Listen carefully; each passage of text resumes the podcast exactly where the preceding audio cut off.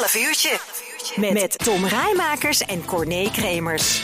En we gaan het over uh, paarden hebben, over uh, uh, enkelspan, het Nederlands kampioenschap en dierenfysiotherapie. En dat doen we allemaal met één en dezelfde persoon. Tessa Jannink hier uit Mail hebben we aan de telefoon. Tessa, goedemiddag. Goedemiddag. Want ja, we lazen onlangs in de media dat je Nederlands kampioen enkelspan geworden bent. En dan moet ik zeggen, ik had er helemaal niet in de gaten dat wij in Mail zo'n goede enkelspan, hoe, hoe, heet dat? Um, paardenrijders. Nee, hoe heet dat? Noem eens. ja, eigenlijk een manner. Manner, dat, bedoel, dat woord zocht ik, ja. want, want, vertel eens, hoe, hoe ben je in, daarin terechtgekomen in, in die sport? Uh, ja, als jong meisje uh, had ik een Shetlander en toen werd je langzaam werd je groter. En toen paste ik niet meer op de Shetlander. En toen zei ik, nou ja, dan koop ik een karretje en dan neem ik menles en dan ga ik erachter zitten in plaats van erop.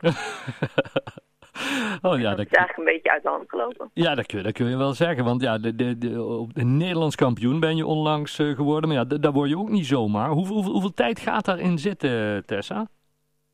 Ja, totaal gaat er wel veel tijd in zitten. Ik heb eerst altijd vier span pony gereden. Uh, maar goed, dan heb je eigenlijk zes ponies altijd in training. En ja, dat werd wel iets te intensief. Mm -hmm.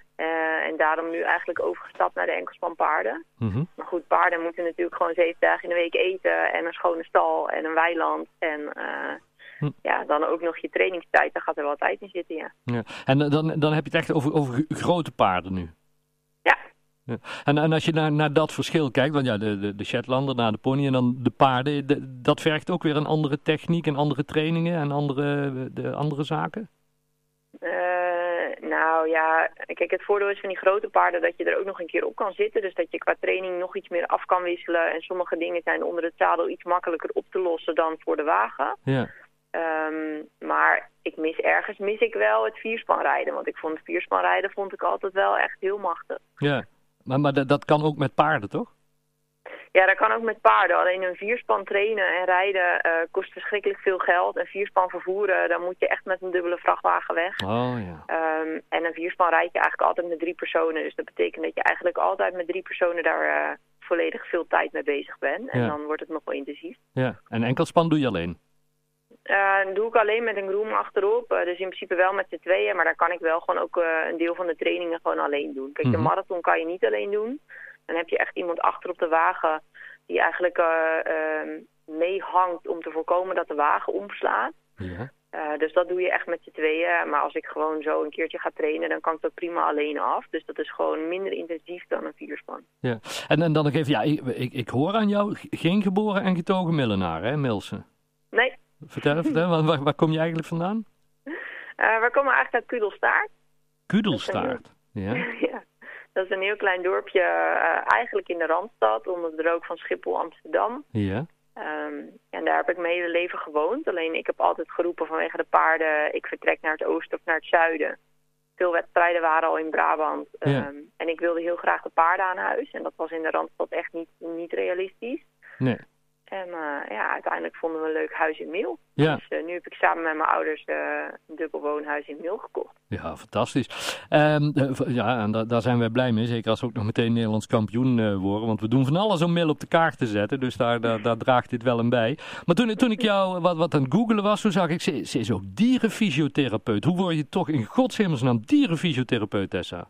Ja, nou ja, dan moet je eerst uh, HBO-fysiotherapie uh, studeren, gewoon voor de mensen. Mm -hmm.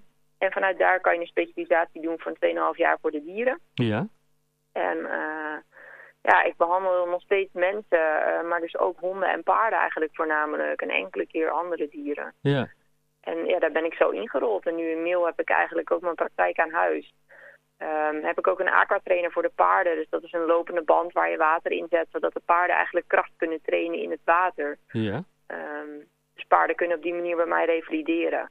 En nu sinds kort hebben we ook een, ja, bij de honden noemen we het vaak bij de hydrotherapie, hebben we een hydrotrainer ook voor de honden. Mm -hmm. Dus we zijn op dit moment de enigste in Nederland met zowel een aquatrainer voor de honden als de paarden. Ja. Dus dat is wel leuk. Ja. En, en hoe werkt dat in de praktijk met honden dan, met, met zo'n zo'n zo'n hydrotherapie?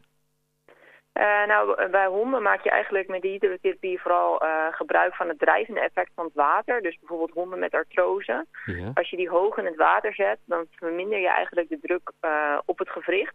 Hm. En op die manier kan je dus in het water toch spierkracht trainen zonder het gewricht te overbelasten. En daarmee zie je dus vooral dat honden met artrose het heel goed doen.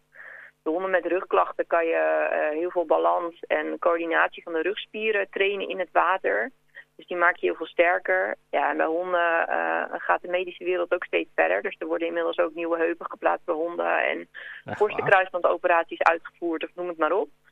Um, en, dus eigenlijk die honden komen ook gewoon revalideren. Maar, maar ja, mijn hond kan me voorstellen, maar met, met, met een paard, het is een gigantisch groot beest. En dan staat daar Tessa uh, langs en zo'n paard denkt, ja, het is goed. Maar hoe, hoe doe je dat dan? Hoe, hoe, hoe weet je zo'n paard uh, ja, dan met therapie te behandelen?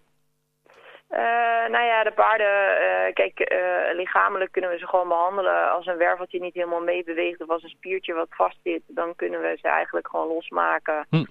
Eigenlijk werken die paarden altijd wel redelijk mee. En als we gaan trainen in het water, ja, dan vinden ze het in eerste instantie een beetje spannend. Ehm, maar goed, paarden zijn vaak ook wel gewend op een trailer te gaan of op een vrachtwagen. Dus je loopt eerst een paar keer met de deuren open door die aquatrainer heen. Ja. En als ze dat niet spannend vinden, dan, uh, dan zet je ze eigenlijk uh, stil op de band, maak je de deuren dicht. En dan uh, is het op een gegeven moment nog een keer een kwestie van de band aanzetten en het paard aansporen om te gaan lopen. En eigenlijk zijn paarden toch wel een beetje domme beesten. of heel slim, dat is net hoe je het wil zeggen. Yeah. Maar eigenlijk gaan ze allemaal binnen, binnen zo'n 30 seconden snappen ze wel dat ze moeten lopen. Oké. Ja, fantastisch. Ja, wij, volgens mij heb ik met de afdeling TV hier van de lokale omroep al uh, aangegeven dat we even een keer langs willen komen met de camera. Want het lijkt me enorm leuk om te zien hoe dat in de praktijk werkt, toch? Ja, jullie zijn sowieso welkom hoor, om te komen kijken. Ja, dat is natuurlijk lastig in coronatijd. Ik ben natuurlijk eigenlijk gestart in coronatijd. En ja, daardoor kan je ook niet echt een open dag doen of dat soort dingen. Dus dat maakt het, uh, dat het wat minder in beeld is. Ja, nou, super. Um, dan nog even over het eh, NK. Nog wedstrijden op het programma staan binnenkort om je titel te verdedigen? Of zitten er nog meer titels aan te komen, Tessa? Uh, nee, we hebben eigenlijk in de mensport hebben we, hebben we drie onderdelen. En je kan of uh, de onderdelen als los onderdeel rijden en daarmee het kampioenschap rijden. Wat ik dus in dit geval gedaan heb, want ik ben uh, kampioen geworden op de vaardigheid. Mm -hmm. Dus dat is een parcours waarbij je eigenlijk tussen pionnetjes door moet op een bepaalde snelheid. Um, en dan mogen er geen balletjes afrollen, want een balletje is drie strafpunten. Mm -hmm. En op het moment dat je dan foutloos door het basisparcours eigenlijk heen bent, dan volgt er een barrage. Waarin gewoon de snelste met de minste strafpunten wint. Mm -hmm. Um, en dat was hier wel leuk, want uh, degene die op dit moment wereldkampioen is uh, op alle onderdelen... en ook internationaal nu als beste enkelspel manner staat... die eindigde nu op het NK precies achter mij. Oh, kijk, goed. 800 de seconde, dus het scheelde niks. Maar het pakt in dit geval positief uit voor mij. Super. Um, en normaal is eigenlijk ons seizoen uh, loopt van april tot september. Dus eigenlijk is voor ons het seizoen nu over. Hm. En uh, starten we eigenlijk pas in april weer met een nieuw seizoen. En dan hopen we eigenlijk dat we ook gewoon de meerdaagse wedstrijden weer mogen rijden. Ja, hartstikke leuk. Tessa, super bedankt dat we er even over mochten bellen. Nogmaals van harte gefeliciteerd met uh, je Nederlandse uh, titel van Nederlands kampioen. Um, nou ja, en, en zoals gezegd, binnenkort gaan we even langskomen met de camera van de lokale omroep om even meer te kijken daarbinnen. Nou, helemaal leuk. Goed zo. Hey, super, dankjewel hè. Oké, okay, dankjewel. Houdoe.